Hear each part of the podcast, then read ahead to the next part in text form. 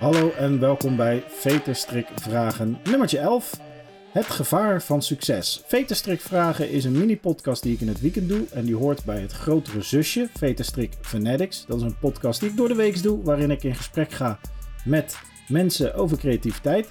Ik geloof heilig dat iedereen uh, creatief kan zijn. Ongeacht of je een creatief beroep hebt of niet. En uh, dat uh, ontdek ik, probeer ik te ontdekken door de week. Maar in het weekend ga ik in, zoom ik in op een klein onderdeel van het creatief proces. En ik wil het vandaag hebben over het gevaar van succes. Want succes is iets wat we volgens mij allemaal nastreven. Zeker als het om creatieve dingen gaat. Je wil, als je een boek schrijft, dat het een succes wordt. Je wil als je een liedje maakt en, en, en je brengt het uit dat mensen ernaar luisteren en het tof vinden. Uh, je wil bij wijze van spreken dat die ene tweet die je stuurt viral gaat. Of in ieder geval gewaardeerd wordt door een hoop mensen. Uh, en succes zit in alles. We willen gewoon graag uh, dat het goed gaat, dat we uh, het goed doen. En daar streven we tot een bepaalde mate naar. En succes is relatief. Hè? Dat wil niet zeggen dat we allemaal wereldberoemd willen worden. Integendeel, ik kan dat zeer sterk afraden. Sterker nog, ik heb in een boek zeer sterk afgeraden om beroemd te worden. Maar dat is een zijsprongetje voor later. Um, Nee, het betekent niet dat we allemaal miljonair willen worden. Ja, dat zou fijn zijn. Maar dat we uh, naar onrealistische hoge doelen streven. Maar we streven wel naar succes binnen wat we doen. Uh, en als je het eenmaal hebt, dat succes, dan kan dat gevaarlijk zijn voor je creatief proces. Kijk, sportteams weten, als je sport weet je, het is heel moeilijk om kampioen te worden. Maar wat nog moeilijker is, is om als je eenmaal kampioen bent geweest, om het nog een keer te worden. Om dat succes door te zetten. En volgens mij zijn daar vier redenen voor. Ten eerste, het proces naar succes is mentaal altijd zwaar. Omdat je, zolang je er nog niet bent en je hebt het nog niet gehaald, dan heb je te maken met teleurstellingen, uh, met, met, met uh, vragen over je identiteit, vragen over je capaciteiten. Ik had even moeite met het woord. Maar twijfels over wat je, uh, wat je kan en wat je niet kan. Je hebt doorzettingsvermogen nodig, want je weet niet of je het ooit kan halen. Dat, die, die, die lat van succes die je voor jezelf hebt neergelegd. Dus het proces is mentaal zwaar.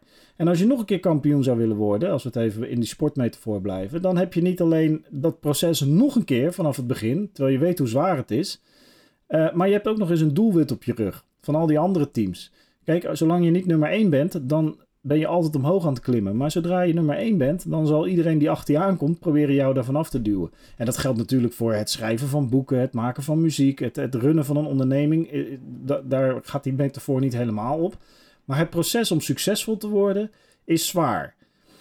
Succes, als je het eenmaal hebt, dat is mijn tweede punt, maakt lui. Hey, ik heb het gehaald, ik ben goed genoeg, ik kan dit. Uh, dus waarom zou ik nog mijn best doen? Terwijl dat proces om succesvol te blijven vaak zwaarder is, zoals ik net zei, dan uh, uh, succesvol worden. Dus het succes kan lui maken. Ik heb het gehaald, ik ben er, ik sta op de top van de mountain en nu. Het derde gevaar is dat succes star maakt. hey, ik ben succesvol geworden, want ik deed het zo en zo. Dus dat is de manier waarop het moet. En ik ga niet veranderen. En je ziet dus bijvoorbeeld in, in, in bedrijven uh, dat bedrijven die succesvol zijn moeite hebben om zich aan te passen aan nieuwe omstandigheden. Zeker als dat hele grote, succesvolle bedrijven zijn. Um, die niet meer de flexibiliteit hebben om snel in te springen op markttrends, op uh, veranderende consumptiebehoeften, veranderende wereld. Uh, succes maakt star. Het maakt, het maakt lui, groot en log. Maar het maakt ook star. Van hé, hey, we waren altijd succesvol op deze manier. Dus dat blijven we doen, ongeacht of de omstandigheden veranderen.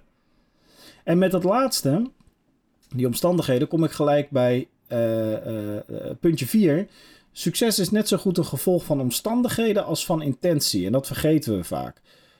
Als we geen succes hebben, zeggen we vaak, ja, dat ligt aan de omstandigheden. Hè? Ik had gewoon uh, die factor tegen me, die factor tegen die factor tegen me.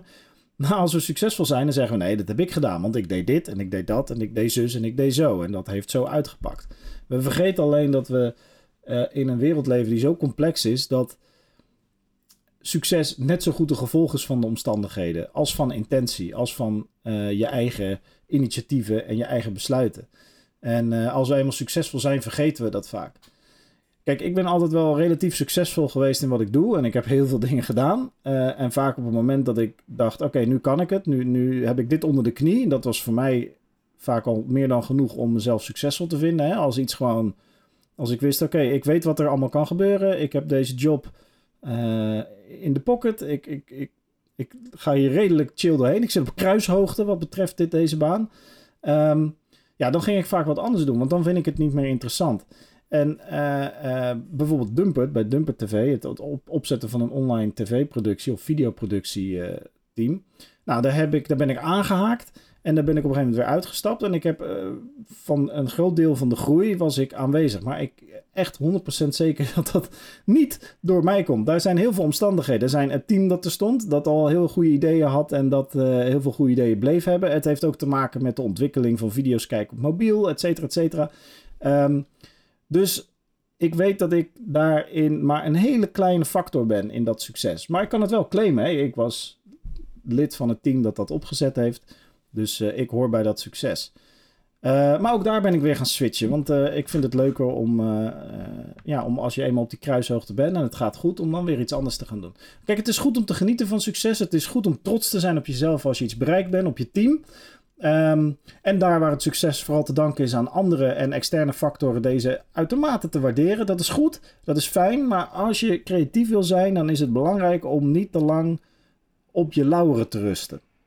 Lauweren zijn om te waarderen en dan weer weg te leggen op zoek naar de volgende lauweren. En lauweren is ook een heel raar woord.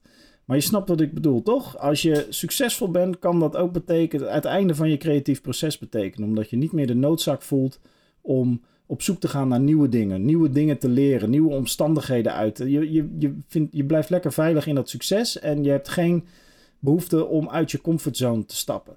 En terwijl dat wel nodig is voor het creatief proces. Dus mijn advies is, als je succesvol bent, gewoon doorbeuken. Niet stilvallen als het gelukt is. Ga nieuwe uitdagingen zoeken. Ga nieuwe dingen zoeken om te leren. Verbrand desnoods al je schepen achter je. En luister naar de wijze woorden van de grote filosoof Jay-Z.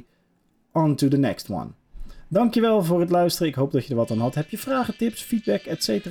Laat het me weten. Mijn mailadres staat altijd in de beschrijving van de podcast. Of stuur een berichtje via social media. En uh, ik hoop dat je een top Pinkster hebt. Anyway, laters.